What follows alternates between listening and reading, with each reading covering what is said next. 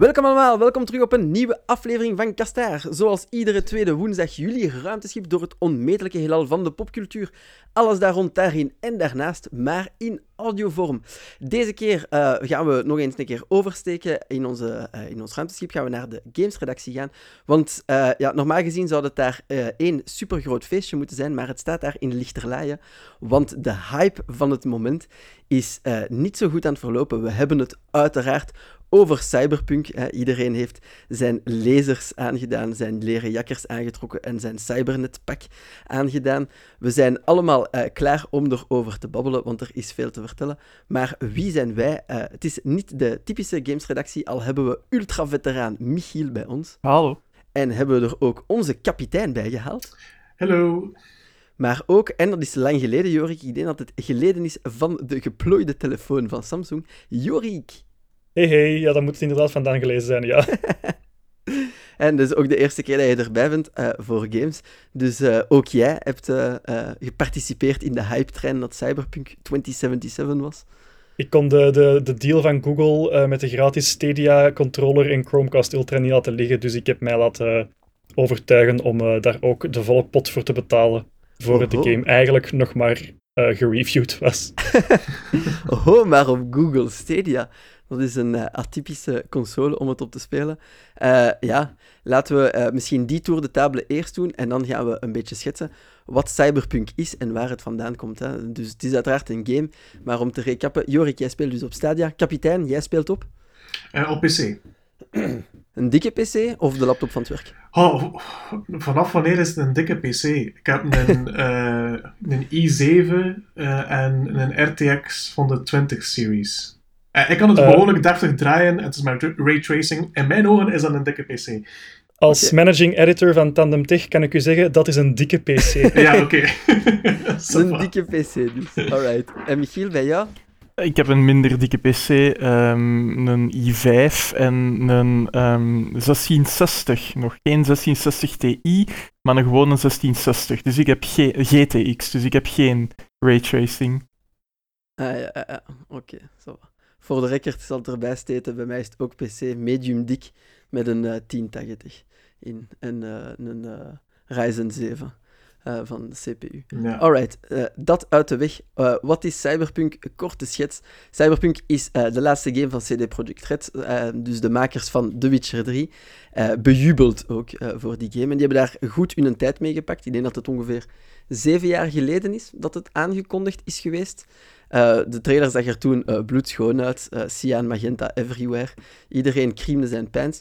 En dan hebben ze eigenlijk hun best gedaan om dat hele tijd te hypen als een RPG slash immersive sim. Ik, denk, ik vergis mij niet als ik zeg dat het de vibes afgaf van de latere Deus Ex games. Michiel? Het doet er zeker aan denken. Hè. En als fan van die games was dit ook een, een spel om naar uit te kijken natuurlijk. Hè. Ja, uh, uh, uh, alright. En dus van daaruit hebben ze dus dan hun, hun tijd gepakt, zeven jaar gedeveloped. en moest dat eigenlijk dit jaar uitkomen in de lente, april, dacht ik. Um, maar alleszins, dat is dan gedelayed geweest. En zoals één grootmeester ooit gezegd heeft, a delayed game is eventually good. als, ik, als ik het juist citeer. maar dus, dat was dan naar de zomer en dan kwam er nog een delay. Nee, dat was eerst naar de herfst, dan kwam er nog een delay.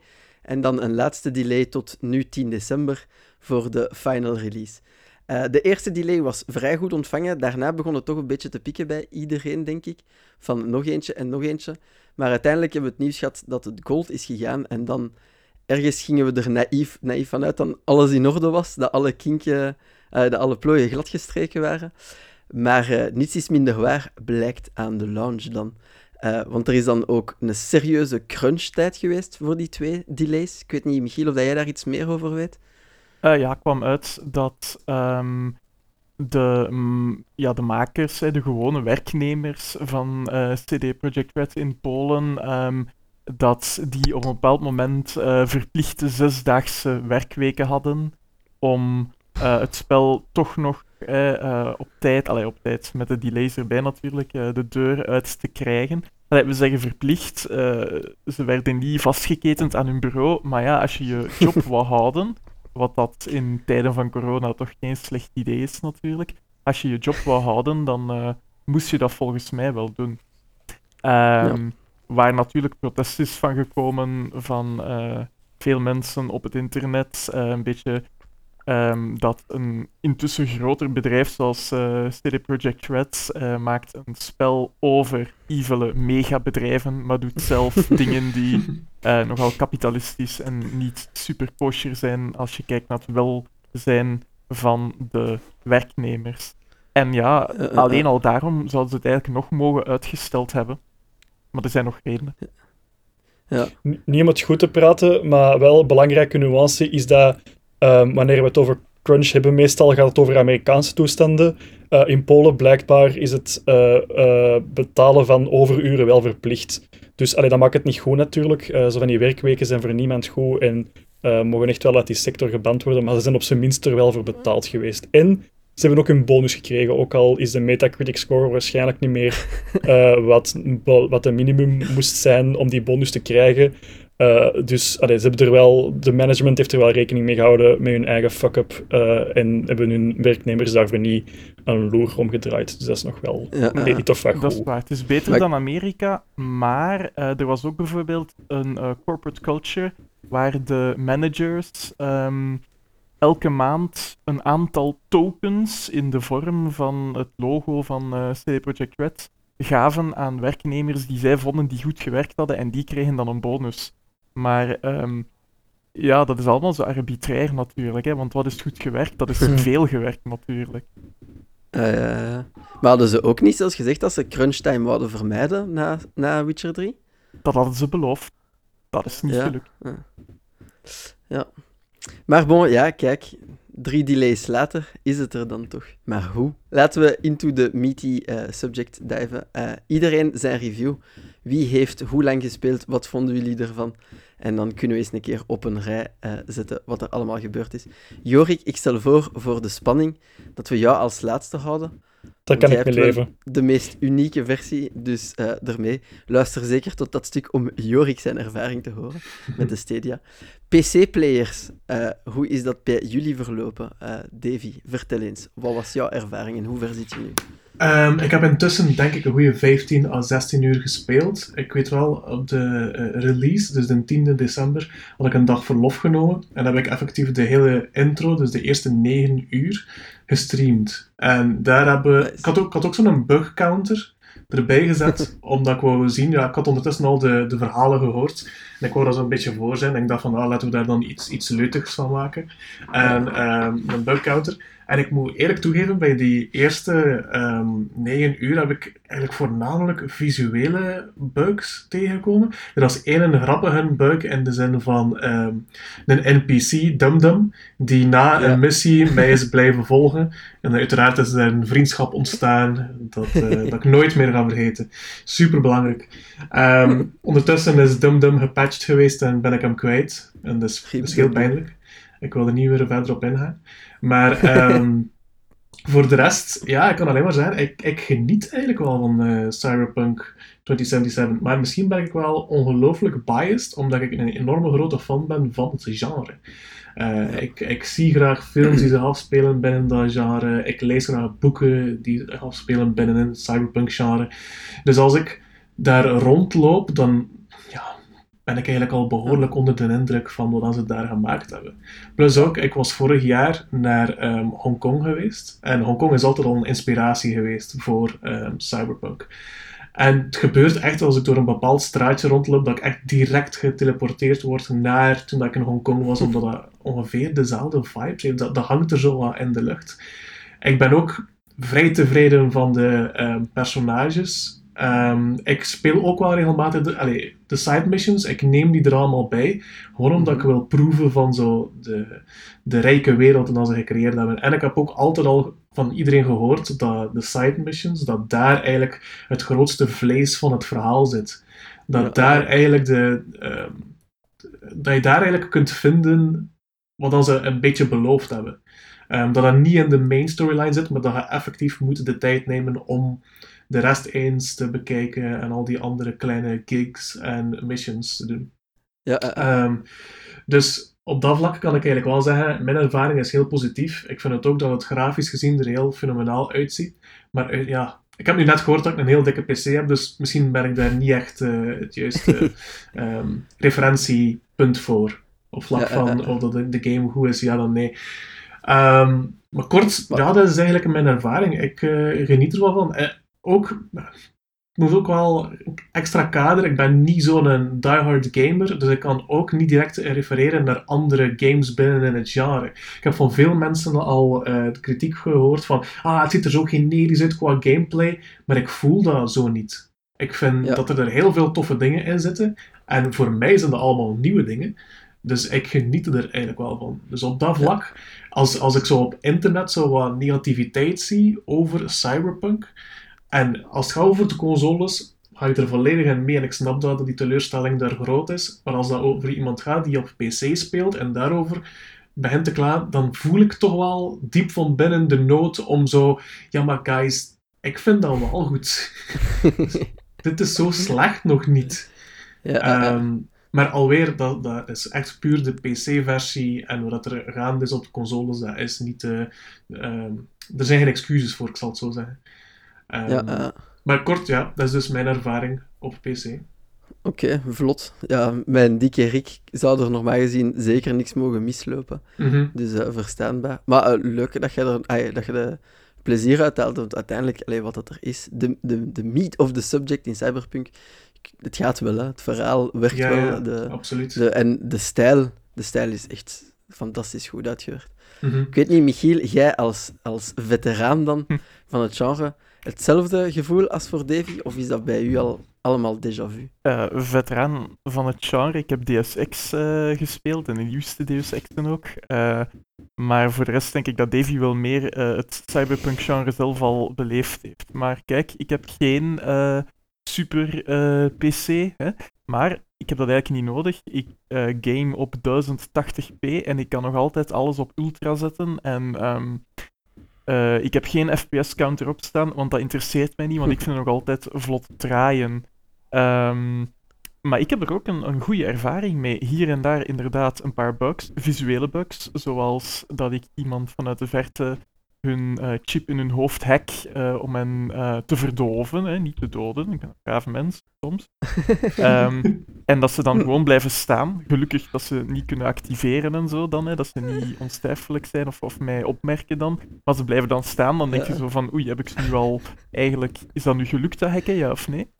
Ehm, Creepy.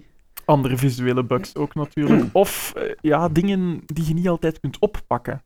Eh, er laat Ja. iemand wapens vallen, kun je niet oppakken. Dat is soms wel een beetje lastig.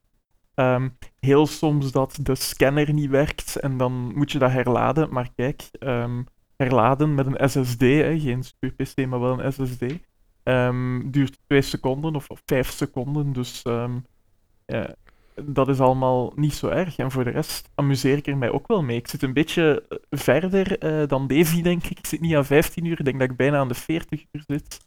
Ehm, mm, en, en ik amuseer er mij mee. Er zijn dingen die ik niet zo leuk vind, zoals het eh, rijden. Ik heb daar juist ook een aantal missies Ja, gedaan die racen waren en, en de, Eh, eh, de driving controls en, en hoe gemakkelijk dat je uit de bocht vliegt, vind ik eh, zeker niet geslaagd, om eerlijk te zijn. Ehm, mhm. sommige van de RPG-elementen zijn een beetje ouderwets in die zin dat er, eh, als je gaat upgraden, zijn er leuke ideeën bij. Ehm, en kan je eh, nieuwe skills unlocken. Maar het is ook heel vaak van, ah ja, als ik dit unlock, dan heb ik 5% meer damage als ik bijvoorbeeld een stealth aanval doe. Hè? Of als ik met eh, pistolen schiet, of 10% meer headshot bijvoorbeeld. En dat zijn gewoon nummers. Oké, dat is in een RPG wel aan de ene kant belangrijk, maar aan de andere kant wil je ook vaak toch meer mogelijkheden krijgen. Eh, abilities of Ja, zo. eh. niet om te zeggen dat het spel geen mogelijkheden heeft, hè, want eh, ik denk dat je een, een mooi aantal ehm, skill trees hebt waar dat je uit kan kiezen met toch verschillende dingen. Hè, soms nummertjes, maar soms ook inderdaad nieuwe abilities, actieve of passieve. Ja. Ehm, en, en je De kan, Cool Tree heeft er daar ja, een paar van. En je kan eh, voor stealth gaan, ehm, voor een heel groot stuk in het spel eigenlijk. Je kan gewoon voor pure actie gaan met eh, eh, melee-wapens, die kunnen blunt zijn, dat kunnen zwaarden zijn. Je hebt gewone pistolen, machinegeweren, snipers, shotguns, granaten. Of je kan je gewoon focussen op het eh, hacken, op het hacken van de chips in de hoofden, hè, vermoedelijk, uh, van, van, alle vijanden. De computerchips. um, nee, een pak lees laten ontploffen of zo. Uh, wat ik aan het doen ben, en, en het is wel leuk dat dat kan, want we hadden het juist over Deus Ex, en ik weet, ik weet nog toen dat um, Human Revolution uitkwam, en in cyberpunk settings probeer ik altijd, als het kan, uh, een, een, een stealth uh, build te doen. Maar dan um, in Human Revolution niet, in Mankind Divided dan later wel, maar in Human Revolution kon je eigenlijk geen... Um, geen je kon een stealth build doen, maar er waren echt verplichte combat momenten waarbij ja. dat het uh, heel moeilijk werd als je niet in andere dingen had geïnvesteerd. Um, en dat vind ik wel leuk aan Cyberpunk, dat zelf als je heel tijd stealth doet, ga je toch nog altijd gewoon door andere dingen te gebruiken, daar ook wel een beetje uh, skills in um, opbouwen. En voor de rest is wat dat Davy zegt ook wel uh, zeker waar. Misschien zullen we het daar straks een beetje meer over hebben. Maar um, ik amuseer mij ook heel vaak met de hoofdmissies en met bepaalde side missions. Um, waar dat inderdaad eh, de heel speciale missies in zitten. Je hebt heel grote side missions. En, en zo zijn er wel een aantal, of een aantal mission chains noemen ze dat dan. En je hebt ook gewoon Mhm. kleine gigs, inderdaad. Je rijdt door de stad en je krijgt een telefoontje. hey, er zit hier iemand die je moet proberen ehm, eh, ofwel ehm, levend ofwel dood hè, ehm, uit te schakelen. Of je bent hier en je moet iets stelen zonder dat ze je zien. En dat is altijd wel Mhm. redelijk kort, maar er zit ook heel vaak een heel, heel klein verhaaltje in. En soms zijn die nogal standaard, maar soms zijn die ook wel heel goed. Net zoals in de grotere side missions, waar toch een paar heel speciale verhalen in zitten in verband met de nieuwe technologieën ehm, in deze wereld. Zoals braindance en zo. Maar misschien is dat voor straks. Ja, of misschien is dat zo spoiler-territorium. Maar uh, ah, je hebt er toch uh, ook je plezier uh, uit deze open Ja, wereld gehaald. Want ik heb een paar gameplay bugs, maar niet zoveel als dat je leest op het internet. Of niet zoveel als dat je eh, inderdaad ziet. Hè, ook op de filmpjes van mensen die het gemaakt hebben van op de originele PlayStation 4 en de originele Xbox ehm, One. Ehm, Mhm. en, en daar heb ik gelukkig geen problemen van, dus ik ben er tevreden mee. Heeft zijn fouten, maar ik ben er tevreden mee. Ja, uh, alright. Ja, want uh, uh, laten we de olifant in de... Het was mooi dat ze dat vertaalde, de elephant in the room, maar whatever, dat aanspreken. Want ja, op console is het een ultra mega gigaflop. Het Mhm. draait voor geen meter, alles... De textures poppen in, het spel crasht regelmatig. Zover zelfs dat het uh, uit de rekken is gehaald op de, de PlayStation Store. En dat je er nu volle refunds van kan krijgen.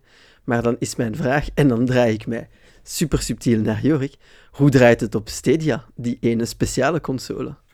Ja, de, het, ding met Stadia is natuurlijk dat, dat, dat zelfs geen... Allee, het, is, het is geen console, het is echt gewoon een, een computer die voor u ergens in een serverpark staat en jij dan via de magie van streaming gewoon uh, op inplucht, waar dat ook zijt, met een goede internetverbinding. Um, en, en het voordeel daarvan is, uh, is dat die ook gewoon veel sneller zijn dan de consoles van de vorige generatie die in de vele huiskamers uh, des werelds staan. Um, dus ik heb daar um, weinig problemen mee qua de problemen die opduiken omwille van de, de mindere kracht van die consoles. Uh, ik heb nu denk ik vijf, zes, zeven uur gespeeld. Is niet heel lang natuurlijk om zo'n oordeel te vellen, maar de, de, de bugs die ik tegenkom zijn eerder um, van, de, van de logische uh, stijl. Dus, dus auto's die tegen elkaar botsen uh, zonder dat dat nodig lijkt. Uh, bijvoorbeeld Ja. als ik mijn auto parkeer, staat er altijd wel een auto achter die er niet voorbij rijdt. Dat soort dingen. Um, ik heb ook gehad met DumDum dat hij gewoon bleef staan nadat ik uh, de nodige uh, schade had toegericht aan de vijand.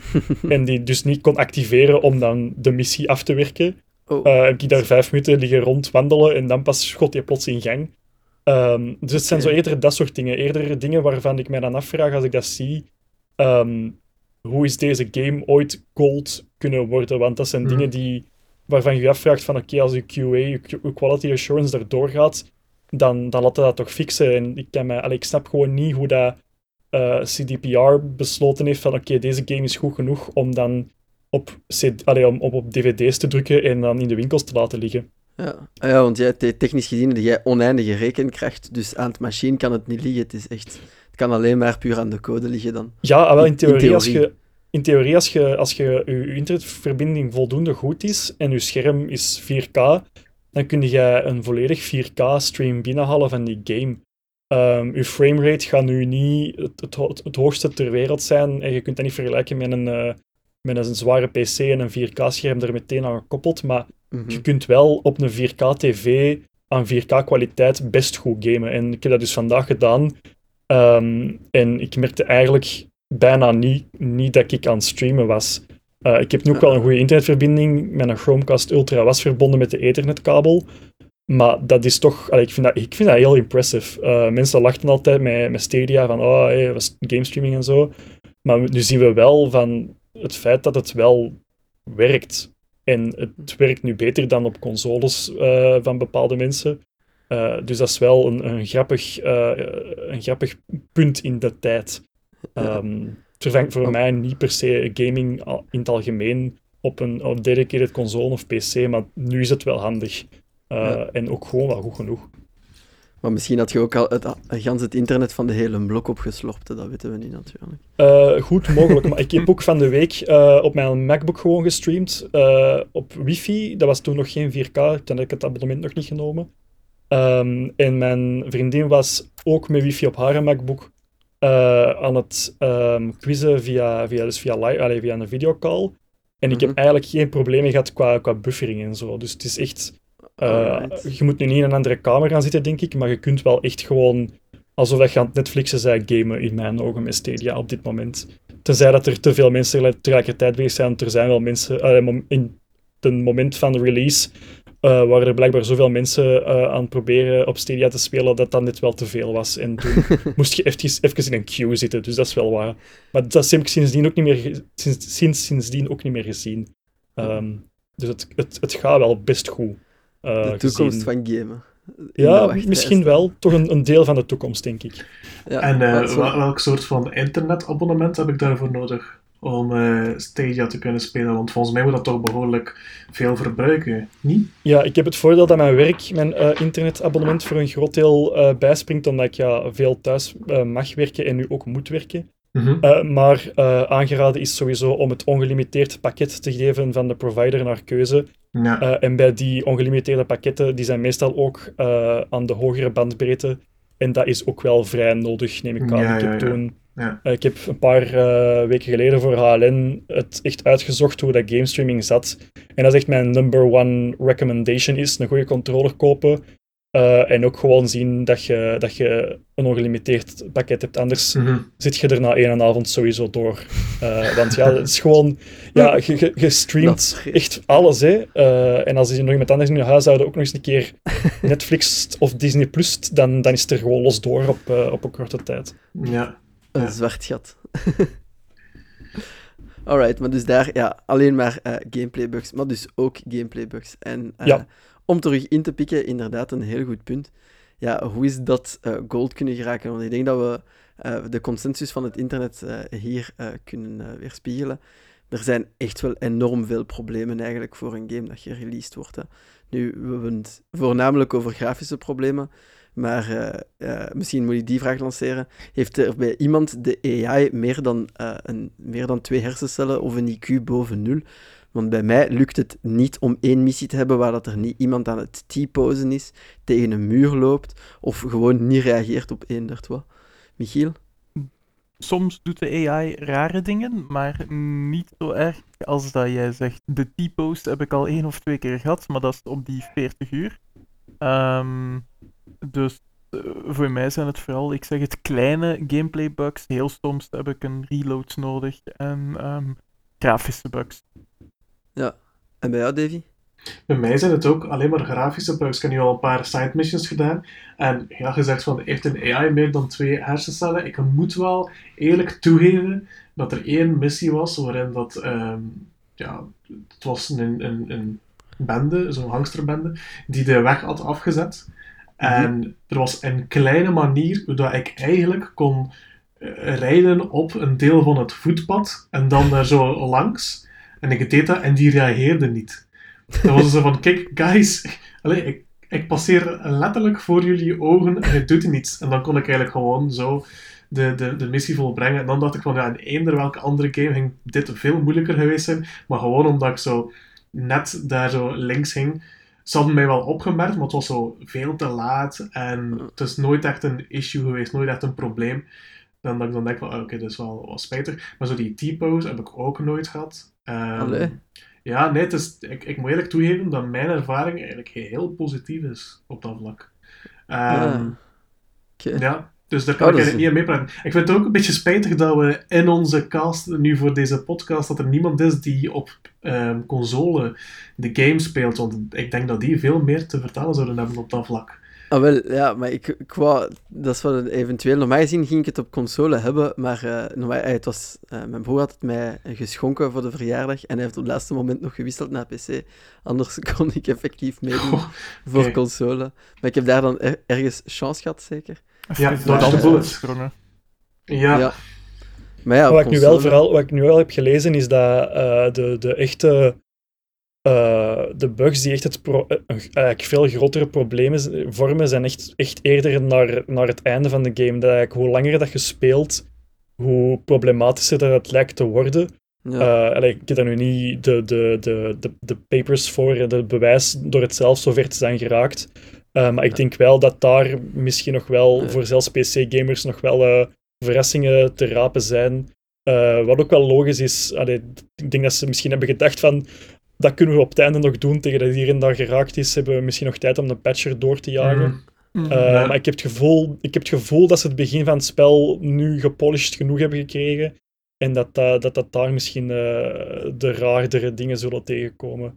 Ja, Eh, wel voor ons, maar ik denk dat ze ook voor de console, en voor de eh, andere consoles dan de Stadia, hè, dus Ja. de PlayStation 4 en de Xbox One, de originele. Want ik moet even zeggen, alles wat ik hoor over de Series X en de PlayStation 5, daarop draait het wel relatief goed.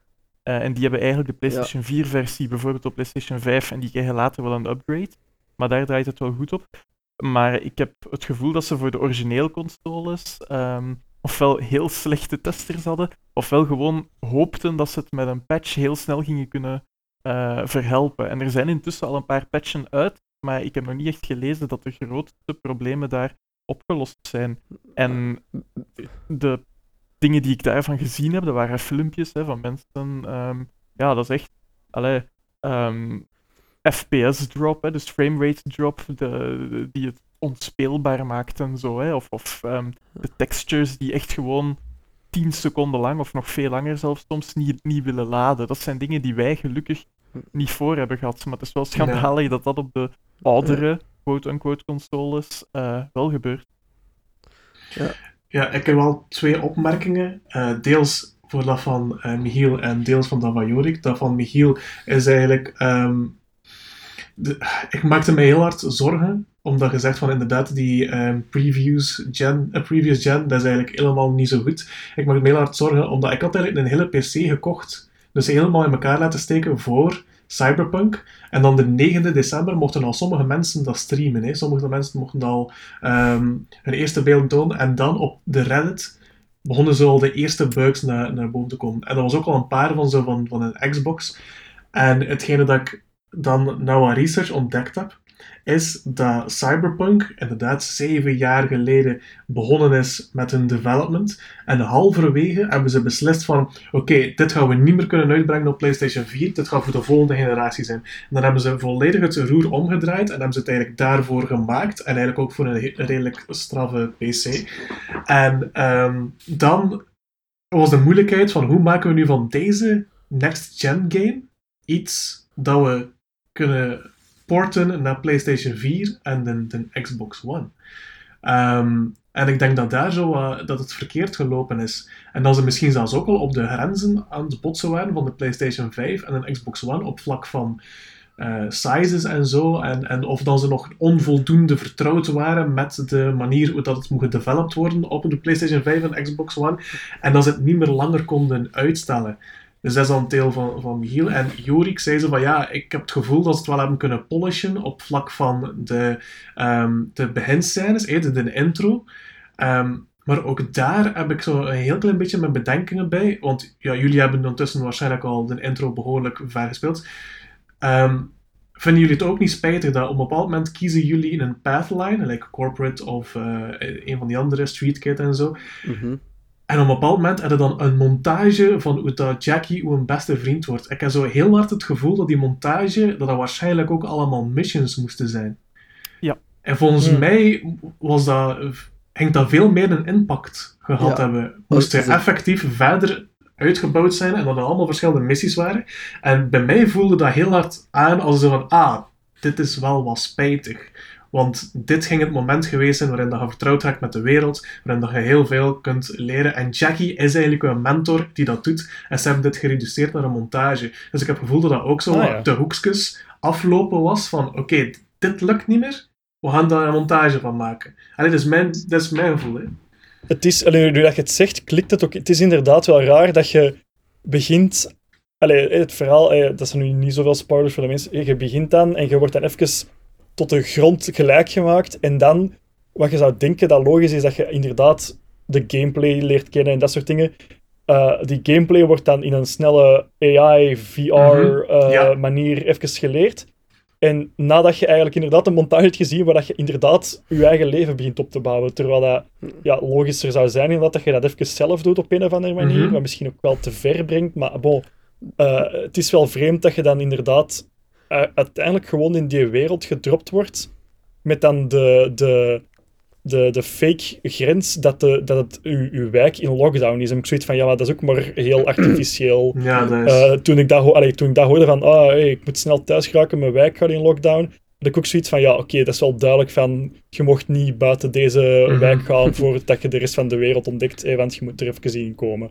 Dat het- vond ik inderdaad ook wel wat, ja, Ze deliveren, Bullshit, totaal niet op, ze deliveren totaal niet op die life path. hè. Dat was eigenlijk dat was de bedoeling. Ze hadden dat ook effectief Mhm. aangekondigd dat je Street Kid, Nomad of, eh, of Corpo effectief kon uitwerken als je levensstory en dat dat een impact ging hebben later enzovoort. Eh, op dialooglijnen na heeft dat dus Mhm. zero impact. hè. Dat is effectief een niet nagekomen belofte. Hè. Like dat je zegt, je slaagt daar de nagel op de kop. Met die cutscene met Jackie, dat was waarschijnlijk de bedoeling. Eh, anders hadden ze dat niet zo aangekondigd, die li- dat life path systeem. Mhm.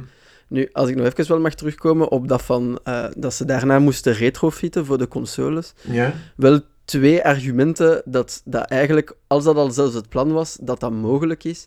En dat is namelijk Red Dead Redemption 2 bestaat op PlayStation 4 Old Gen en is van prachtig daarop.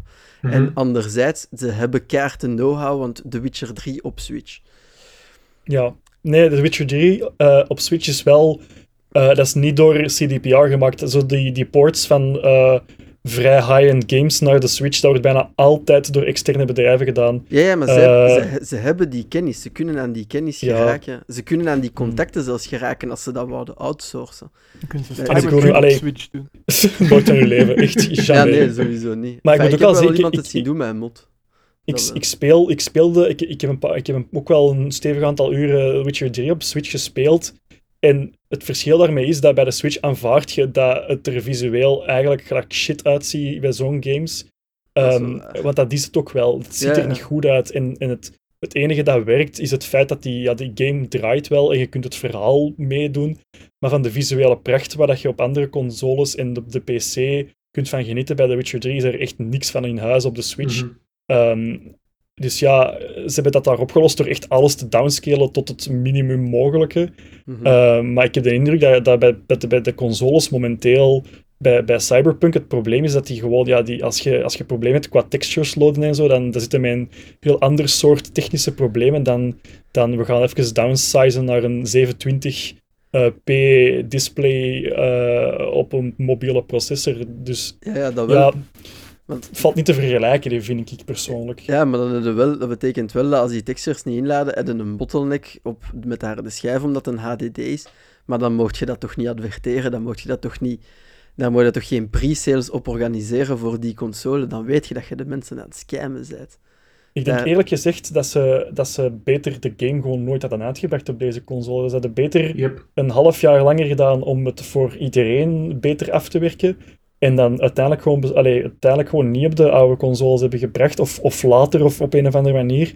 Want inderdaad, zoals gezegd, het feit dat, dat verschillende winkels en webwinkels nu moeten zeggen: pas op voordat je deze koopt, is echt gewoon ongezien. En ja, eigenlijk inderdaad.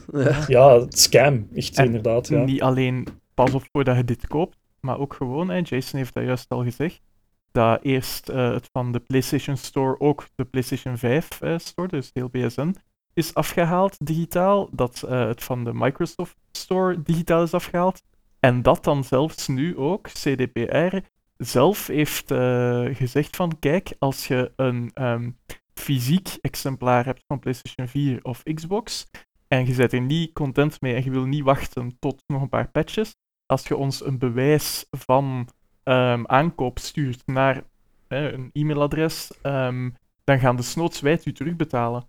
Dat is toch ook ongelooflijk eh, dat ze dat doen. Allee, eer wie eer toekomt, kan niet verwachten dat ze zo ver gingen gaan. Ze kunnen wel niet echt veel anders, maar toch.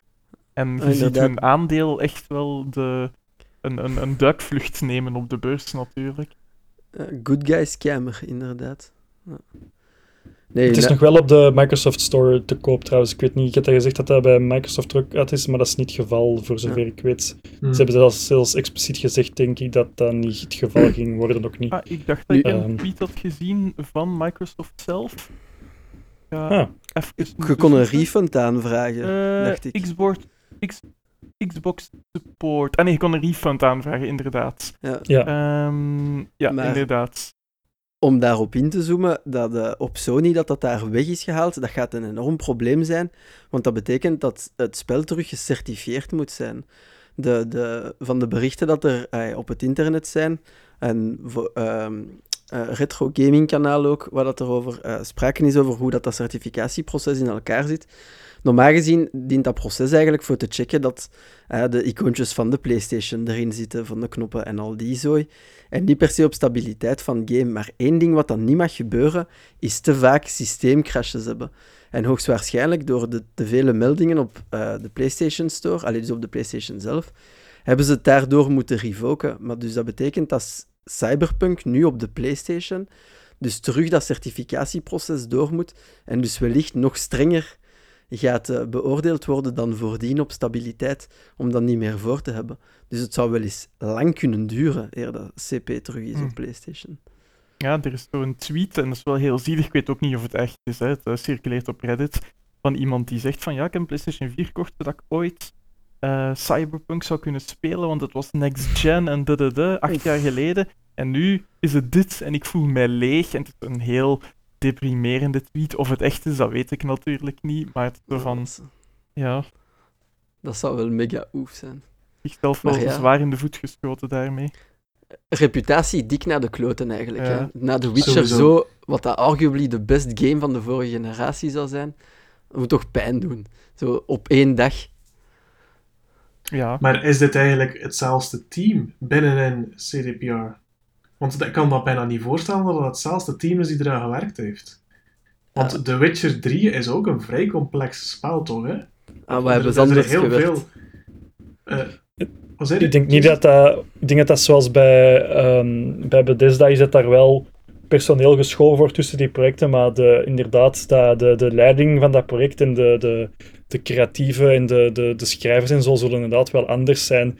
Mhm. Maar ik denk dat de- een paar managers eh, toch wel eh, voor... Dus, allee, ik denk dat, dat die wel met de vinger te wijzen zijn, want uiteindelijk is het wel de leidinggevende hun schuld.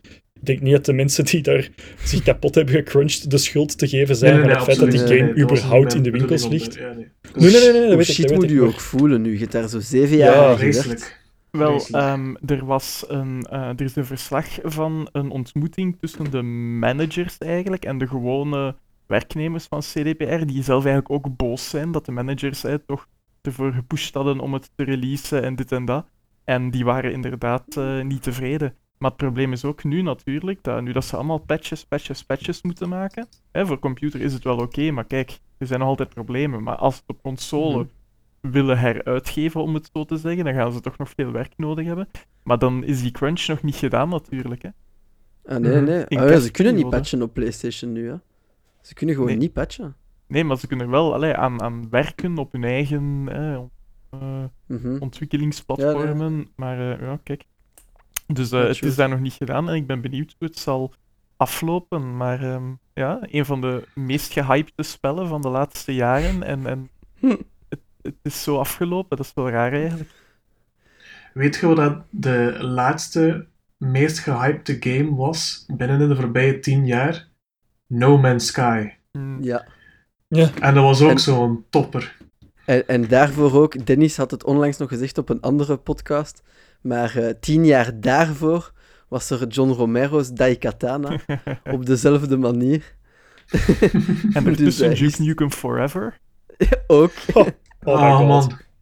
Nu, Maar het ding is dat, dat itself. No Man's Sky was tenminste speelbaar. ja, en is, er, er was niet veel te doen, maar je Ja. kon het tenminste wel spelen. En dat is wel... Allee, Ja. Dat is een ander soort van eh, klantbedrog, eh, als je het zo scherp mocht zeggen. Eh, maar dit is inderdaad... Allee, de, de onspeelbare game van zo'n klasse, dat is toch echt, Ja. Dat is toch echt Mhm. ongezien eigenlijk. laat ons waar. hopen dat het dezelfde deur op gaat als No Man's Sky. Ja, inderdaad. Die Ja. zijn wel Ja. een ongelooflijk schoon voorbeeld van u herpakken. Ja, Ja, maar die, die hebben er drie jaar over gedaan. Denken jullie dat, eh, dat ze dat voor Cyberpunk ook gaan doen? Ik hoop van wel, maar ze waren toch ook bezig met... eh, ze, ze spelen toch met het idee van een soort van multiplayer versie van eh, Cyberpunk uit te werken. Hè? Maar ja, Dus dat gaat ik- Red Dead Online zijn, gewoon. Ja, nee, maar ik dacht dus, ehm, dat gaat sowieso die multiplayer versie, dat gaat gewoon op de lange baan geschoven worden. En ik denk dat ze nu gewoon de komende jaren dat budget dan ze hadden voor multi... Maar het is ook gigantisch veel verkocht geweest, toch? Hè? Het is iets van eh Ja. 8 miljoen keer, of is het niet meer, Ja. eh, verkocht geweest. Ze hebben wel redelijk wat budget, hè. Ze kunnen dat toch gebruiken om nu weer de goodwill van hun fanbase, of van gewoon gamers in totaal, weer voor zich te winnen. Dat zou eigenlijk echt gewoon de slimste keuze zijn dat ze op dit moment kunnen maken. Hm. Oké, we hebben nu veel geld. Oké, wat gaan we nu doen? We gaan dit allemaal rechtzetten. We gaan zorgen dat het allemaal goed is. En ik denk wel Plus, ze dat... hebben, Ja, plus ze, hebben, ze hebben GOG, dus dat is ook zo'n eh, gelddrukmachine. à Ja. la- Misschien niet à la Steam, Steam qua level, maar dat, dat is toch ook gewoon geld binnenrijven dat geen naam heeft. Mhm. Ik denk dat dat ook wel een factor is die niet onbelangrijk is in het feit dat ze sowieso wel nog wel eh, eraan kunnen sleutelen en zich niet te veel zorgen moeten maken over, oké, ja, beurswaarde die gecrashed is, maar ja, het is maar een beurswaarde. Hè. Dus dat. Ehm, Ja. eh, De vraag is natuurlijk van... Hoe is dat eigenlijk zo ver kunnen komen? Hè? Want hoe kan het dat ze dit hebben gereleased op, als het, eigenlijk in deze staat, ik zal het maar zo zeggen. Want ja, dit, had niet gereleased moeten worden. Hè? En ik heb één theorie, en dat is eigenlijk dat er te veel budget was voor marketing.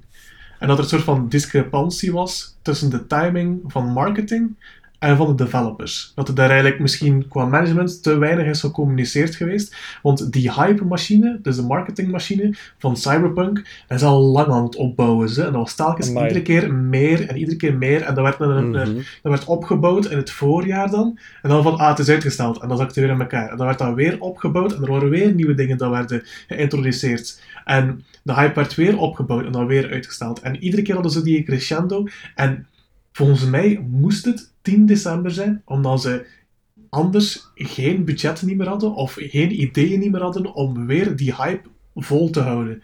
Ze wouden die, in mijn ogen, die marketing. Allee, ze, ze hadden een soort van momentum en ze wouden dat niet weer verliezen. En dan is er op een bepaald moment de keuze moeten komen van, oh, releasen we nu of niet? En heeft er iemand de verkeerde keuze gemaakt om te zeggen van, ja oké, want anders kunnen we geen hype niet meer genereren. We hebben niets nieuwer. We hebben al... ehm, want wat heb ik zien passeren? Ze hebben samengewerkt met superveel grote artiesten. Ze hebben zelfs een, een, een, zo'n prosthetic gemaakt in cyberpunk-style voor iemand die geen armen had. Dus eh, ze zijn echt losgegaan. Ze hebben superveel geld er tegenaan gesmeten. Als je dan op een bepaald moment, na al die delays, nog eens moet horen van ja, die, de game is nog niet af. Ja, guys, ja. We, we, we kun- we kunnen niet meer doen dan dit. Ja, we releasen dan. Hè. En Ja, volgens mij is dat dat een fout geweest. Marketing over ehm, de game zetten. Mhm. Ja, maar wie heeft En je wilt ook niet als ontwikkelaar... Ja, en je wilt ook niet als ontwikkelaar wilt ook niet de feestdagen missen, denk ik. Ik denk dat dat ook wel... ehm allee, nu, nu die game uitbrengen is ook wel natuurlijk heel handig voor de mensen die vakantie hebben. Onder Ja. de kerstboom, dat soort zaken. En ik denk dat dat, dat, dat, dat ook gewoon... Ik denk dat ze toen dat ze het voor de eerste keer delayed hebben in de lente, dat ze ook hebben gezegd van, we kunnen nog echt, dat is echt de, de grens dat we kunnen gaan en, en dat daar de fout gemaakt is om het toch te proberen. Want ik denk niet dat als ze, als ze niet als doel hadden om het dit jaar nog uit te brengen, dat, dat het ook nog niet gold was geweest, Mhm. eerlijk gezegd. Voor dat kan ik mij gewoon niet inbeelden. En voor corona natuurlijk. Ja. Eh, want Ja. ja. in tijden van corona wordt er meer gegamed. Hè. Dat hebben we ook al gezien, dat eh, sommige games of sommige consoles zelf hè, als zoete broodjes over de toonbank zijn gegaan. Ehm, en, en ik ga zeker akkoord met wat dat Davy zegt van hè, eh, dat eh, marketing misschien eh, te machtig was geworden. Maar ook ja, daarmee verbonden dat ze hun shareholders waarschijnlijk ook een, een, een mooi verhaal op het einde van het jaar wouden aanbieden. Hè. Ehm, en alweer, ja, kijk, eigenlijk slaaf van het geld, slaaf van de bedrijven. Het past jammer genoeg in de fictieve wereld die ze wouden eh, brengen. Maar, maar ja, kijk. Het meest cyberpunky aan cyberpunk is de development cycle eigenlijk. Voilà. Vuile Ja. corpo's. Ja, en allemaal tijdens een, een, een ongeziene pandemie. Eh, ik denk dat de coronacrisis zorgt er wel voor dat mensen meer gamen, maar ik denk ook niet dat het maken van games nu echt heel Ja. goed gaat. Ja, nee. Eh, als je ziet hoeveel delays dat er al zijn bij games die Ja. eh, misschien minder gehyped zijn, maar wel ook niet onbelangrijk, eh, denk ik dat dat ook wel een factor is geweest waar dat ze onmogelijk rekening mee konden houden en die wel degelijk wel iets heeft gedaan aan het feit dat het spel er is zoals het nu er is. Ja. Ehm, Maar er zijn ook wel behoorlijk wat games gereleased geweest met wat bugs in. Hè? En we moeten dat Hmm. niet ontkennen. We, we werken allemaal, zo goed als allemaal, van thuis uit. Onderling communiceren met collega's vanuit, van thuis uit, dat is toch niet zo makkelijk als als je allemaal op kantoor zit. Ah, ja, dan zeg ik als, en dan zeg ik als iemand die gigantisch fan is van thuiswerken. Hè. Maar ik merk gewoon dat als, als er een bug is dat ontstaan is, ik ben zelf ook developer, het is misschien wel voor websites, dus niet zo complex als games, maar als er een grote bug in zit en dat is een fout van, een, een, een, van meerdere mensen, om dat dan uiteindelijk te kunnen rechttrekken van wie dat, dat is en hoe dat je dat kunt fixen, dat is een pak moeizamer gewoon moeilijker in het algemeen, omdat je van thuis uit werkt. En dat is dan zo, eerst probeert je dat dan via Slack bijvoorbeeld, of whatever platform, dan lukt dat niet, en dan probeer je een keer face-to-face, screensharing en zo. Het, is al, het gaat allemaal wat moeizamer. En ik denk, moest het niet in een pandemie geweest zijn, dan ze 10 december waarschijnlijk zouden een beter product hebben Ah, afgeleverd. tuurlijk, tuurlijk, hè, maar dus de, de, de schuldige is degene die heeft gezegd release. Hè. Ja, ja, absoluut. En ik vind, ja, Ja, er, dat, er, is nu, er is nu gewoon heel veel haat, merk ik, online. En dat is misschien een subset van eh, gamers dat mij in het oog vallen, maar het is gewoon... Ik merk veel haat tegenover de developers en dat is verkeerd. ah ja, nee, de, die, de, Ja. de haat mag niet naar de developers gaan, maar naar het management. Developers doen altijd hun absolute best om, maar zoals we daar straks zeiden, eh, geen enkele developer wil ook zijn product of zijn werk of zijn levenswerk zelfs zo releasen. Hè. Mhm. Zeven jaar developen is lang. Hè. En het heeft zeker, zeker genoeg redeeming, redeeming qualities. Maar het is ja, de, de, de stabiliteit. Console, dat, dat, dat, dat is echt zorgwekkend. Dat, dat moet je gezien hebben. Ja. Als, Sony, als Sony zegt van we poelen het, dan moet er iemand aan de alarmbel getrokken hebben. Dat kan niet, dat kan niet per ongeluk geweest zijn. Dat is een beetje echt. Dat is heel spijtig. Maar eh, om dan die negativiteit een beetje eh, te, te herleiden hè, als een bliksemafleider. Misschien niet alleen over hè, hoe dat ze het hebben afgeleverd op console, maar misschien ook inhoudelijk.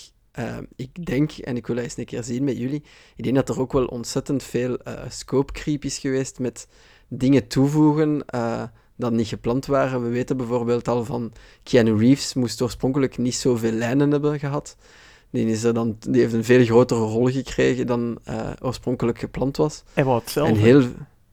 Ja, hij wou het zelf Blijkbaar. natuurlijk. Ehm, maar ja, ook heel veel features die beloofd waren, of dat wij zagen in trailers, die totaal niet aanwezig zijn.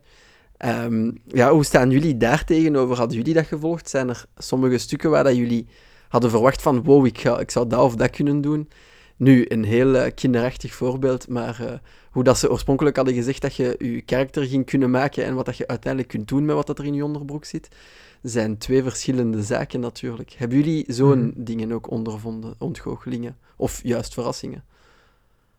De ontgoocheling Jo, daarbij... Sorry, ik onderbreek. De ontgoocheling Nee, nee, daarbij is dat je... je zegt bijvoorbeeld, je kunt je eigen personage maken. Maar ik kan dat alleen maar doen in het begin van het spel.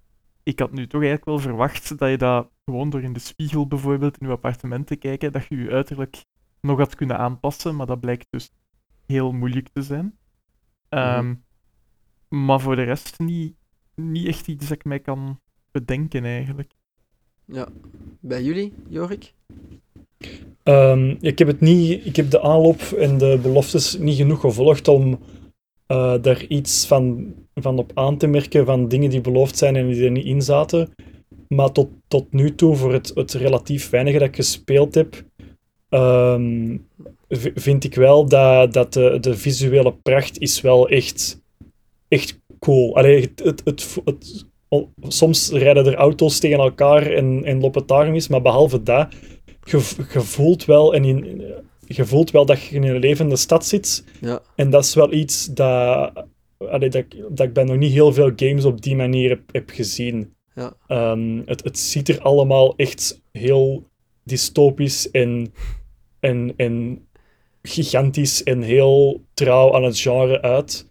Ehm, maar ja, voor de rest, ja, qua RPG's en, en eh, RPG, game mechanics en dat soort dingen, durf ik, durf ik niet te zeggen dat ze dingen hebben gedaan die beloofd zijn. Maar ik vind het tot nu toe wel wat complex en wat onduidelijk. Maar dat zal wel veranderen naarmate dat je meer speelt, dat het wat duidelijker wordt.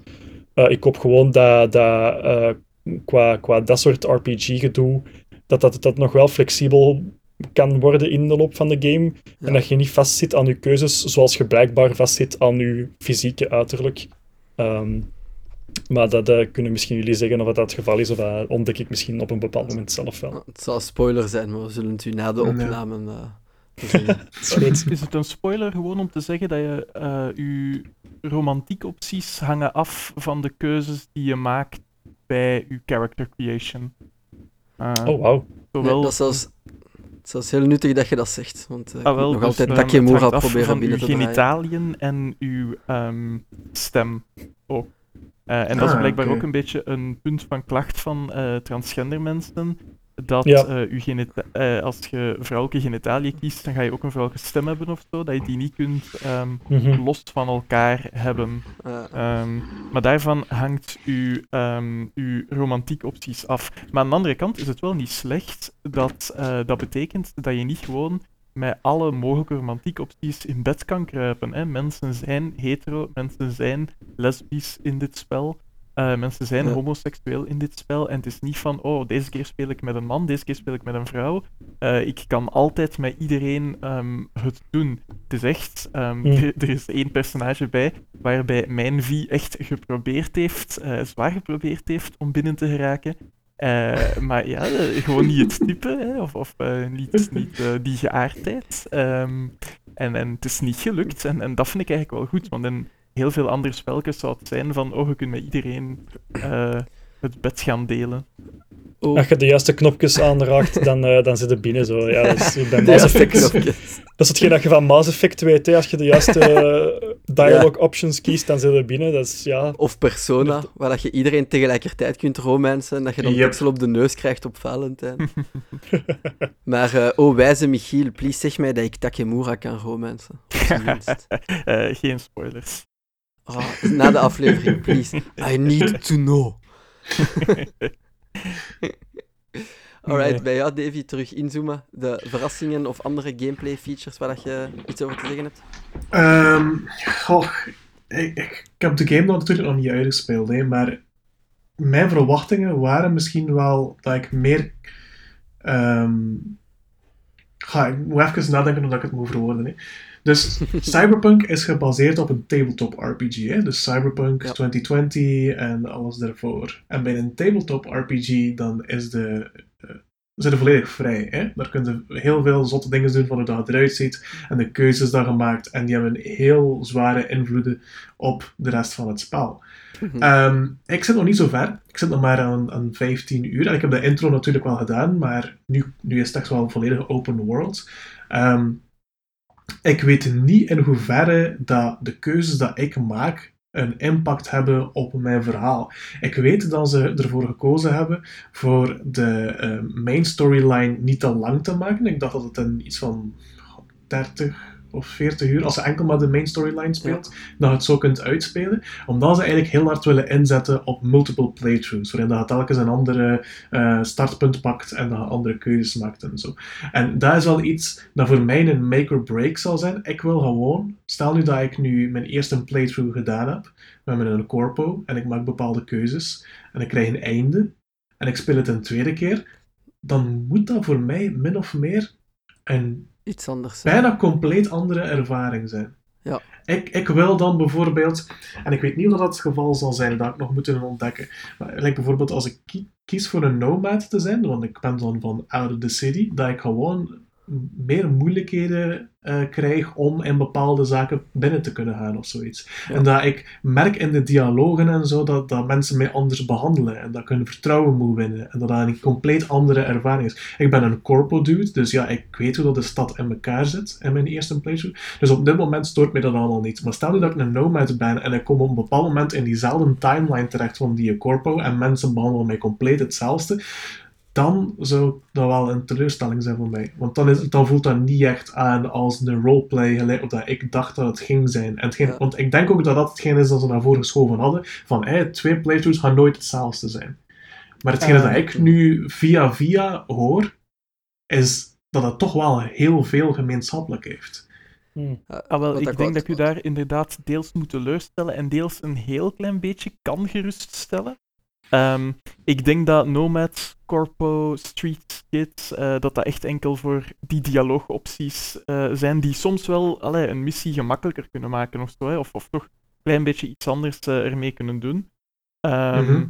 Maar aan de andere kant zijn er wel missies, wel in de grote verhaalmissies of de grotere zijmissies, waar je keuzes kunt maken die ehm, het verloop van die missie, of heel misschien van een latere missie, een beetje kunnen beïnvloeden. Dat is niet superveel. Ik heb ook gelezen, maar dat weet ik zelf niet, want ik zit er nog niet, dat op het einde van het spel ehm, eh, die zijmissies bijvoorbeeld, of hoeveel zijmissies je tot het einde helemaal hebt gedaan, dat dat ook een beetje het einde zal meebepalen. Is dat enkel in dialogen of is dat voor een grote verandering? Dat weet ik wel niet. Hmm. Eh, maar Oké, ik zeg maar wel- iets. In, ja. in het begin zit je ergens in een eh, vleesfabriek op een bepaald moment. Hè?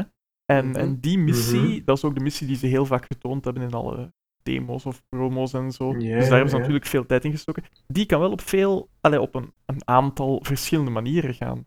Hè?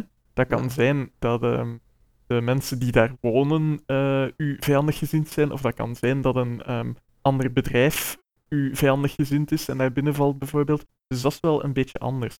Maar anders behandeld worden omdat je een nomad bent dan een corpo, ehm, dat denk ik niet dat dat erbij zal zijn. Oké, maar dan zal ik het eens moeten zien. Hè. Ik vind hetgene dat je wel vertaalt, dat het, het einde gebaseerd is op je initieel eh, pad en hoeveel side missions dat je gedaan hebt. Dat stemt mij wel redelijk positief. Allee, het, was, het was- het is een mixed bag, maar als dat uiteindelijk de, de eindafrekening is, ben ik wel nog tevreden ervan. Ja. Ehm, voor de rest heb ik niets eh, meer aan toe te voegen. Ik vind hetgeen dat Jorik zegt ook. Als je in Night City rondloopt en het gevoel dat je in een stad rondloopt. Ik heb al kritiek gelezen dat ze zeggen van het is zo doods en er zijn amper mensen. En ik snap die kritiek niet, want er zijn echt wel heel veel mensen. Je kunt in zo'n bazaar rondlopen dat super druk is en zo. Ja, ik, ik, ben, ja, ik ben nog altijd overwegend positief. Mhm. Ja. Ja, en, en heel veel verschillende snackers ook, dat je overal kunt eten. Ik heb me al op een Ja. culinaire tour. In En- Night City, dat is wel hilarisch. Allee, we zijn hier Dus- nu een uur vooral negatief eh, geweest over de ehm, PR en de release en zo, maar ik heb er ook nog altijd plezier mee. Ik, ik eh, geniet er ook nog altijd van. En een tip is trouwens, Ja. Je moet tijdens het spelen ook veel naar boven kijken. Als je enkel naar de straat kijkt, oké, dan zie je wel dingen en zo, maar ook heel veel naar boven kijken, naar de tiende verdieping, de twintigste verdieping, want daar gebeurt Ja. eigenlijk ook... Allee, daar gebeurt niet veel, maar daar kun je ook heel veel ehm, zien. Eh, maar misschien toch Ja. nog één negatief dingetje dat we niet vermeld hebben, want het ging over hoe hebben ze dit nu kunnen releasen en zo. Maar nog één laatste smerig ding dat ze gedaan hadden, was dat ze de reviewers ehm, Ja, verboden Ja. hadden om hun eigen materiaal te gebruiken. En Mhm. ze konden enkel de PC-versie die wij allemaal hebben en waar Ja. wij allemaal content van zijn, enkel die konden ze ehm, reviewen. Ze mochten de PlayStation doen, 4 of de eh, Xbox One versie, mochten ze niet reviewen. Wat dat toch ook wel ehm, niet door de beugel kan, hè, om het zo te zeggen. Ja. Ja, en het is ook, allee, het is ook daardoor dat het, dat het eigenlijk... Want ik heb de indruk dat tot aan de moment dat die game beschikbaar was, er eigenlijk geen vuiltje aan de lucht hing. Het was nog altijd... Bij, allee, koop, bijna koop, geen koop. vuiltje. Ja. Dat, is misschien wel overdreven om het geen... Maar ik denk dat er... Dat niemand had verwacht dat het zo slecht zou zijn. En dat er zoveel problemen mee waren.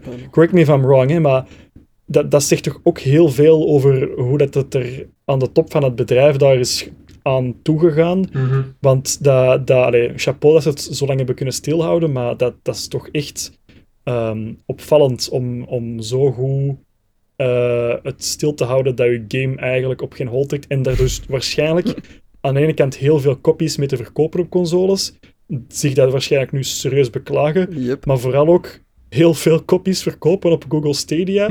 want dan plots ziet iedereen, shit, die game trekt op niks. En dan gaat iedereen trekt zijn, eh, zijn kak terug in en die gaan allemaal eh, toch, toch maar Stadia proberen.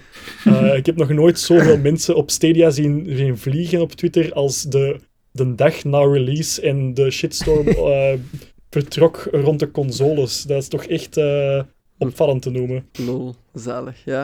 Ik ben Goeie benieuwd... deal met Google ook. Ik ben benieuwd Doet dat of de- niet, allee, Zeg maar. goede marketing, goede deal om dat met Google, eh, om daarop in te zetten, om, het, om dat de game, de, de Stadia game te maken van het jaar en daar dan ook nog een keer eh, een hoop gratis controles tegenaan te smijten. Ik denk dat Google daar eh, een hele hoop nieuwe potentiële klanten heeft aan overgehouden die zeer positief zijn over de service. En ik denk dat dit wel het kantelpunt kan zijn dat Stadia eh, tot mainstream kan maken. Want het democratiseert gamen nog meer dan het al is op dit moment. Ja. Zal het de Stadia Dus, eh, redden? Ik denk dat eh, Stadia nooit te redden zal zijn, moet, allee, moeten zijn geworden, vermits dat het Google is en die ongelimiteerde cash hebben. Dus ehm, ja, er valt niet veel te redden, want dat blijft toch draaien. Ik weet niet of het winstgevend is, Dat is maar like YouTube. Ja, voilà. ja, YouTube verdient hun zijn geld goed terug. Daar, Ja, daar wel, zeker van ja. zijn. Ja.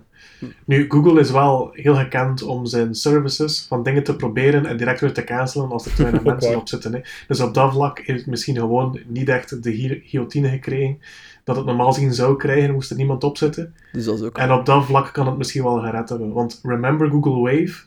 Niet of dat je dat ooit ja, ja. Nee. Ja, dat was ook zo een, een probeersel van Google. Ik weet al niet meer wat dat was. Het was ook zo'n soort van workspace eh, platform.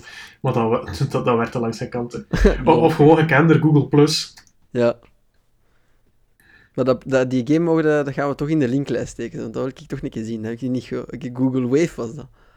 Ja, Google Wave. Google Wave, ja. Ja, ja. Ja, dat dat, was bij hun Google steken. Plus. Google Wave was volgens mij eh, gewoon een eh videoconferentie-tool daarin. Ah, gewoon, allee, eh, gewoon met, met webcam kunnen babbelen met Zoom. elkaar. Hè. Dat was gebaseerd op, eh, ehm, op Firefly, de tv-serie Firefly. En dan later de film Serenity, omdat daar Wave is, daar, eh, hoe dat ze het noemen, als ze met elkaar praten van op afstand.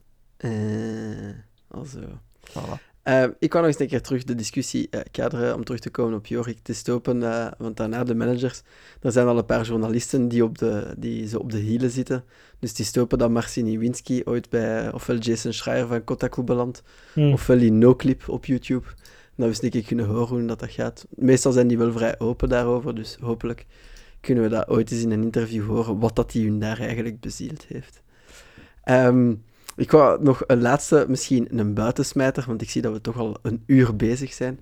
Ik wou een, een kleine petpief aanhalen en daarmee ook meteen vragen naar jullie screenshots. Is dat in jullie Cyberpunk game ook dat jullie eruit zien als een neon hobo?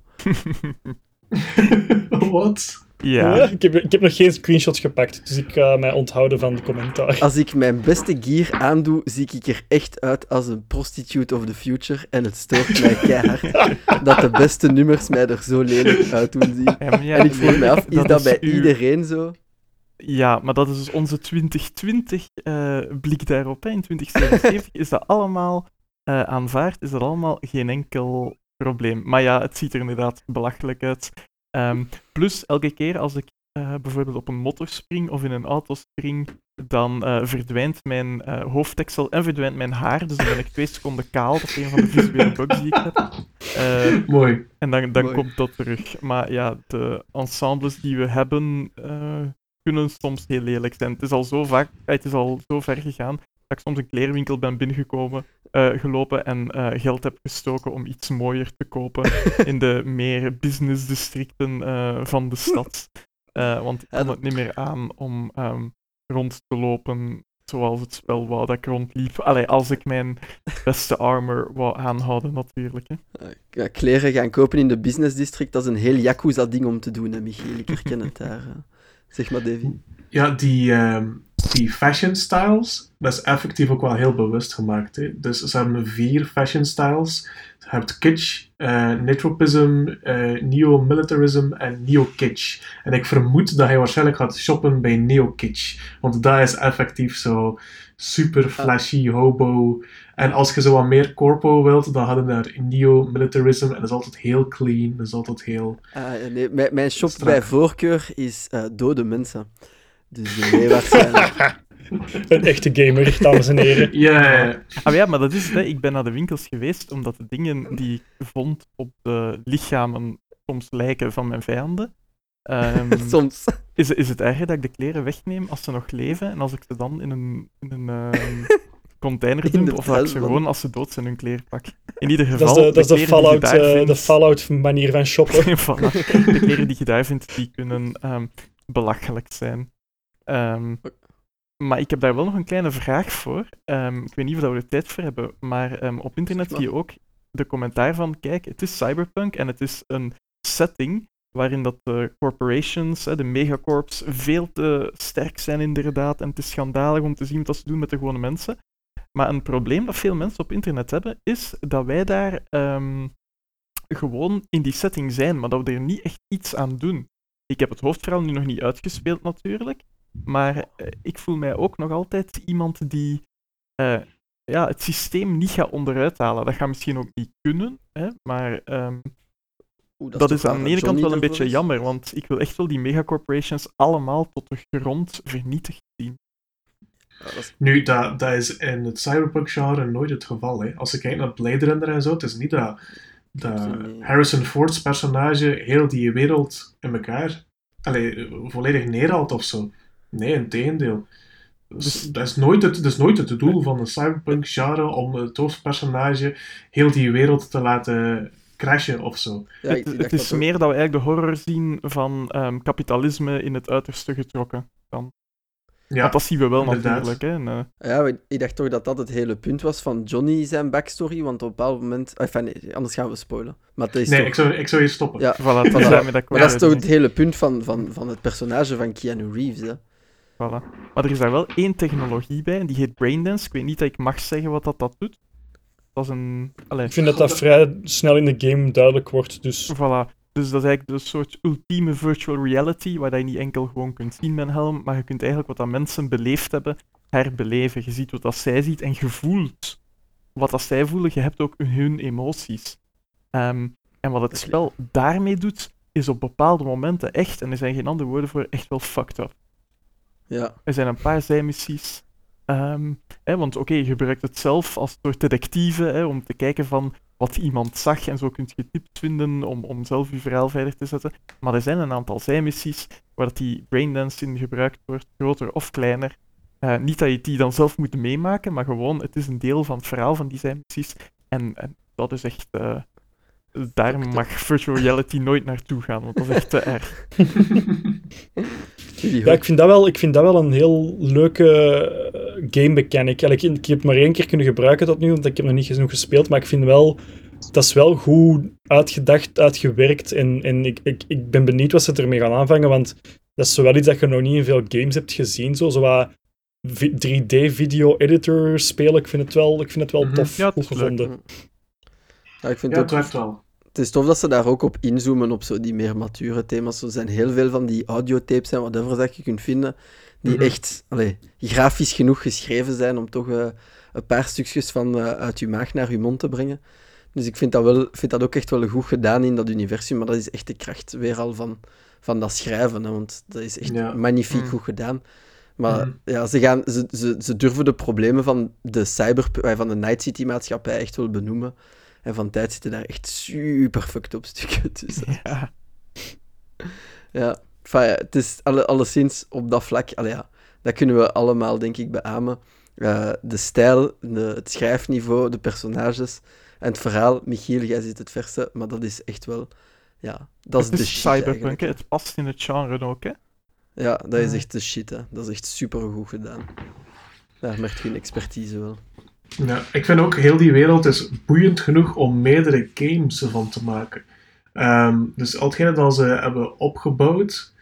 ehm, ik zei het, eigenlijk dat je zelf zegt ook, die, die, die personages. En als je dan die, die verschillende cards leest en die braindance, dat diepte de wereld er verder uit. En ja, weet je, 2077 was de leerstelling. Ik kijk uit naar Cyberpunk 2090. Nu, Be- nu, nu, doet het mij echt aan iets denken en dat kunnen we dan gebruiken als, als hoe dat, hoe- wat dat jullie daarvan denken. Door, als er een multiplayer komt, beeld u in dat de multiplayer eigenlijk cyberpunk is, maar iedereen maakt een nieuwe file aan en dat is de bevolking daar. Dat is, Oh. ja, Eigenlijk- dat is eigenlijk GTA Fallout. Online eigenlijk. Hè. Ja, maar ja, dan zonder de tienjarigen die u naar de fruit schieten met hun, duur met hun, hun lelijke auto vol raketten. Zonder die een cheese. Ja, wel, ik hoop dat ze niet die richting uitgaan. Ze hebben inderdaad wel gezegd multiplayer, maar ze hebben ook wel gezegd dat ze een grote singleplayer DLC wouden doen, à la Witcher 3, Hearts of Stone of ehm, Blood and Wine. En daar kijk ik wel naar uit. Ehm. De vraag is inderdaad, ga je dan nog altijd als V spelen, of gaan ze eh, toch een, een ander personage in deze setting kiezen, wat dat ook inderdaad wel leuk zou zijn. Double Mhm. V. Voor mij is het heel logisch. Hè. Wat is er nu gigantisch op Twitch? Dat is GTA RPG. Waarin dat mensen binnenin... Ze zetten een server op van GTA 5. Hmm, En mensen maken een personage aan en die worden een rol toegewezen. En dus Ja. zo van, hij zit bijvoorbeeld ambulancier. Hij zit bijvoorbeeld een dokter. En mensen die, die interageren met elkaar en die roleplayen letterlijk. Die is dan ook zo van, ah, ehm, ik heb hier ehm, iemand eh, van een verkeersongeval. Ah, het is goed, hè, mijn ambulance. En, en ze rijden daar en ze babbelen met elkaar terwijl ze die, die persoon aan het eh, afzetten zijn. En dan gaan ze verder naar iets anders. En dan komen ze nog iemand anders tegen. En dat, dat zou perfect zijn voor Cyberpunk als ze een multiplayer gaan. Want maak er een roleplay van. Dat moet niet direct allemaal met shooting galore zijn. Zorg gewoon van, je zet een personage binnen die wereld en je moet roleplayen. Net alsof dat je bij een tabletop roleplayt. Ga jij, kunt- Yaki, ga jij Yakitori-verkoper spelen, Davy? Ja, met veel plezier zelfs. Wat we nu eigenlijk beschrijven is eigenlijk wat Fallout eh, 76 moest, eh, moest zijn en ook in het begin niet gegaan is en na jaren development eindelijk toch een beetje geworden is. Eh, maar ik weet niet, ik weet niet hoe, hoe, hoe dat, dat zou lukken met de technische problemen dat ze nu al hebben, zonder dat er een hele multiplayer engine Ja. is. Want Ja, nee. wat we weten van 76 is dat het probleem met het development van die game was dat ze net hebben geprobeerd om die eh, Bracken engine van Bethesda daar een multiplayer core alle in te steken. Dus ja, Ja, ik ben eens benieuwd wat dat gaat geven als je dat met Ja. deze doet. nee, inderdaad. Dat is niet voor nu, niet voor nu.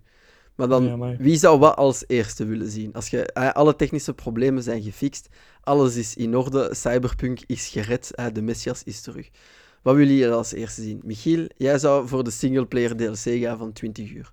Ja, eerst moeten ze alles fixen. En allee, ik zeg, het is PC te doen, hè. Het is zelfs zeer te doen. Maar ze moeten wel Mhm. alles ook fixen op de andere consoles en een paar dingen op PC. En dan wil ik inderdaad singleplayer DLC à la eh, Blood and Wine of Heart of Stone.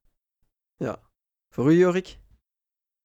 Ik, ik denk eigenlijk dat het wel tof zou zijn dat ze, dat ze de mogelijkheid geven om ehm, ja, semi-GTA-stijl echt je eigen leven op te bouwen in die stad. Want nu heb ik iets te veel het gevoel van we gaan nu gewoon het verhaal laten spelen dat wij geschreven hebben. Ehm, en en het, is, het is iets te veel in medias res er zo los in gedropt. Ah, ja, ja, ja. Ehm, en het, het zou cool zijn om daar toch de optie te geven om, om meer uw eigen personage te, te, te vormen en te spelen. En, en je bedoelt ik dan, weet niet of dat, dat mogelijk is. je bedoelt dan dus vastgoed eigenlijk heb- kopen en zo, en bende, bendes oprichten of zoiets. Ik denk dat dat, nog, ik denk dat dat gewoon een heel andere game zou zijn dat ik nu aan het beschrijven ben, eerlijk gezegd. Eh, maar misschien dat. Misschien wil ik dat gewoon zien, inderdaad. Ja, dat je de, de rangen kunt klimmen en iemand kunt zijn in Night City. Alright. Ja. En bij u, Davy? Ehm, ik volg Michiel er een beetje in dat ik eigenlijk TLC verwacht voor Cyberpunk.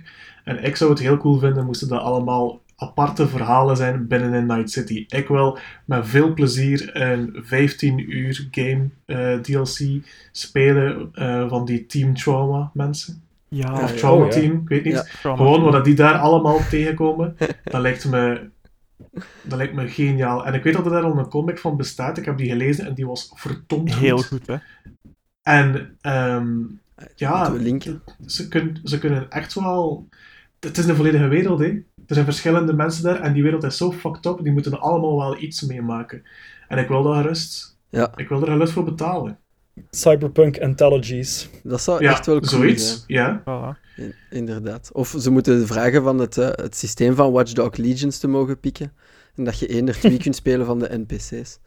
Moeten ze eens een keer bij de Ja. vriendjes van Ubisoft gaan vragen voor wat code. Ik denk dat dan heel het spel gaat ontploffen.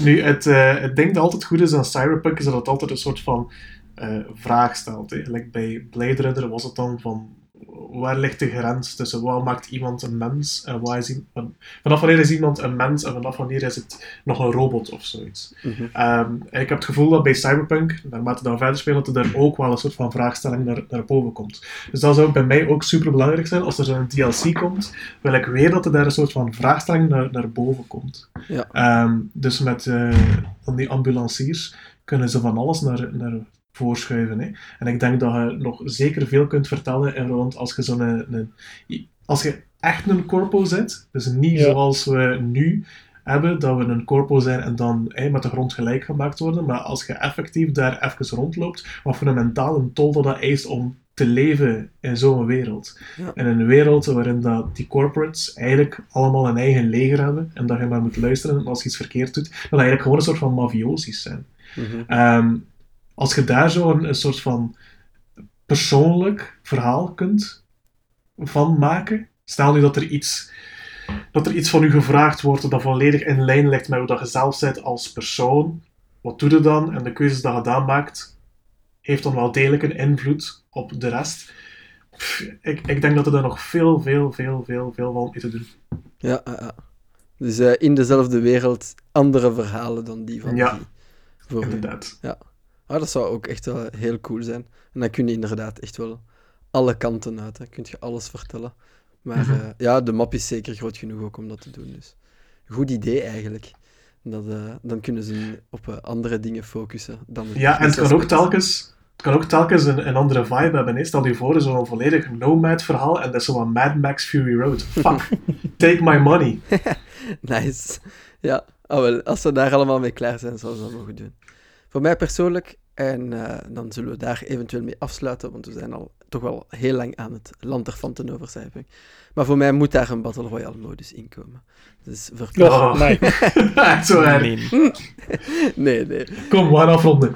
het is goed geweest. Ik vraag momenteel voor niet veel. Voor mij gewoon een transmog, dat ik eh, toch een, een of andere outfit, eh, dat ik het kan veranderen zonder dat de stads veranderen. Maar het liefst van al eigenlijk dat ze daar een mechanic aan taaien. Ik zou dat heel leuk vinden mocht eh, buiten gesmeten worden in een winkel, omdat je er echt like een clochard uitziet. Dat zou ik heel leuk vinden. Moest ja, street cred eigenlijk niet enkel omhoog gaan, maar ook omhoog en omlaag gaan, afhankelijk van hoe duur dat uw outfit en uw gear en zo is. Mhm. Dat zou ik heel leuk vinden dat ze daar... eh, ja, het, het roleplay-aspect, zoals Davy daar straks zei van op GTA, dat ze dat roleplay-aspect al toepassen op de singleplayer. Dat zou ik eh, heel leuk vinden. En eh, dan pak ik er ook eentje bij van, dat een maat mij had gesuggereerd, maar eh, Johnny Silverhand, eh, een DLC, allee, solo-verhaal, zou ook zeker nog passen in 2020 dan. Yep, Moet dat plaatsvinden. absoluut. Kan ook nog een leuk idee zijn. Maar alright, boys, bij deze ons verdikt. eh, Cyberpunk, goede game. Gewoon spelen op een dikke PC momenteel. En hopelijk. Of Stadia. Of Stadia, Stadia. Of inderdaad. een gewone PC, zolang je hem kunt draaien, is het nog in orde. Ja, dus PC of Stadia is the way to go. Maar dan is het ja, een fantastisch en knap staaltje schrijven. Gewoon ja, de verwachtingen iets lager zetten dan van de trailers. Want sommige mechanics zijn er nog niet of zijn niet helemaal even fleshed out als dat we dachten. Maar dat neemt niet weg van het spelplezier. Ehm, ja, zo. Voor de rest, hebben jullie nog iets toe te voegen? Nee. Nee? Nee, ik niet. Nee? Oké, eh, dan ga ik die awkward stilte wegknippen. En dan rest er mij nog maar één ding te doen. En dat is natuurlijk de luisteraars bedenken om te luisteren. En eh, te vragen wat, ja, wat dat jullie ervan denken. Hè. Hebben jullie Cyberpunk binnengehaald? Hadden jullie het gepre-orderd op console of op PC? Of zitten jullie ook comfortabel op Stadia en samen met Jorik te lachen naar eh, alle andere mensen die zich vergist hebben van aankoop? Laat het ons allemaal weten. Jullie kunnen het doen op onze Facebookpagina. Het kan op Twitter, podcastaar underscore be. Het kan op de Discord in het juiste kanaal. Jullie mogen een mail sturen naar kastaar.geekster.be. En je mogen ook brieven en postduiven opsturen. Of ook FutureTech en eh, BD-discs. Allemaal goed voor mij. Dat is, eh, stuur het maar op en laat het ons weten wat dat jullie ervan vinden. Wij zijn razend benieuwd. Zo, dikke merci nog eens. Dikke merci Michiel, kapitein en Jorik om erbij te zijn en om jullie ervaring te delen. En dan zeg ik tjaukes, bijkes en tot binnen twee weken. Oh ja, voordat ik afsluit. Als deze aflevering uitkomt, zijn we eigenlijk al midden in de feesten. Dus uh, vrolijk kerstfeest en prettig nieuwjaar ook, hè, luisteraars en iedereen. Geniet ervan, hou het veilig, hou het klein. Maar uh, ja, veel plezier en de beste wensen uh, meegegeven door heel de redactie. Zo, eindelijk afgerond. Tjaukes, bijkes iedereen. Salut. Salut. Joe.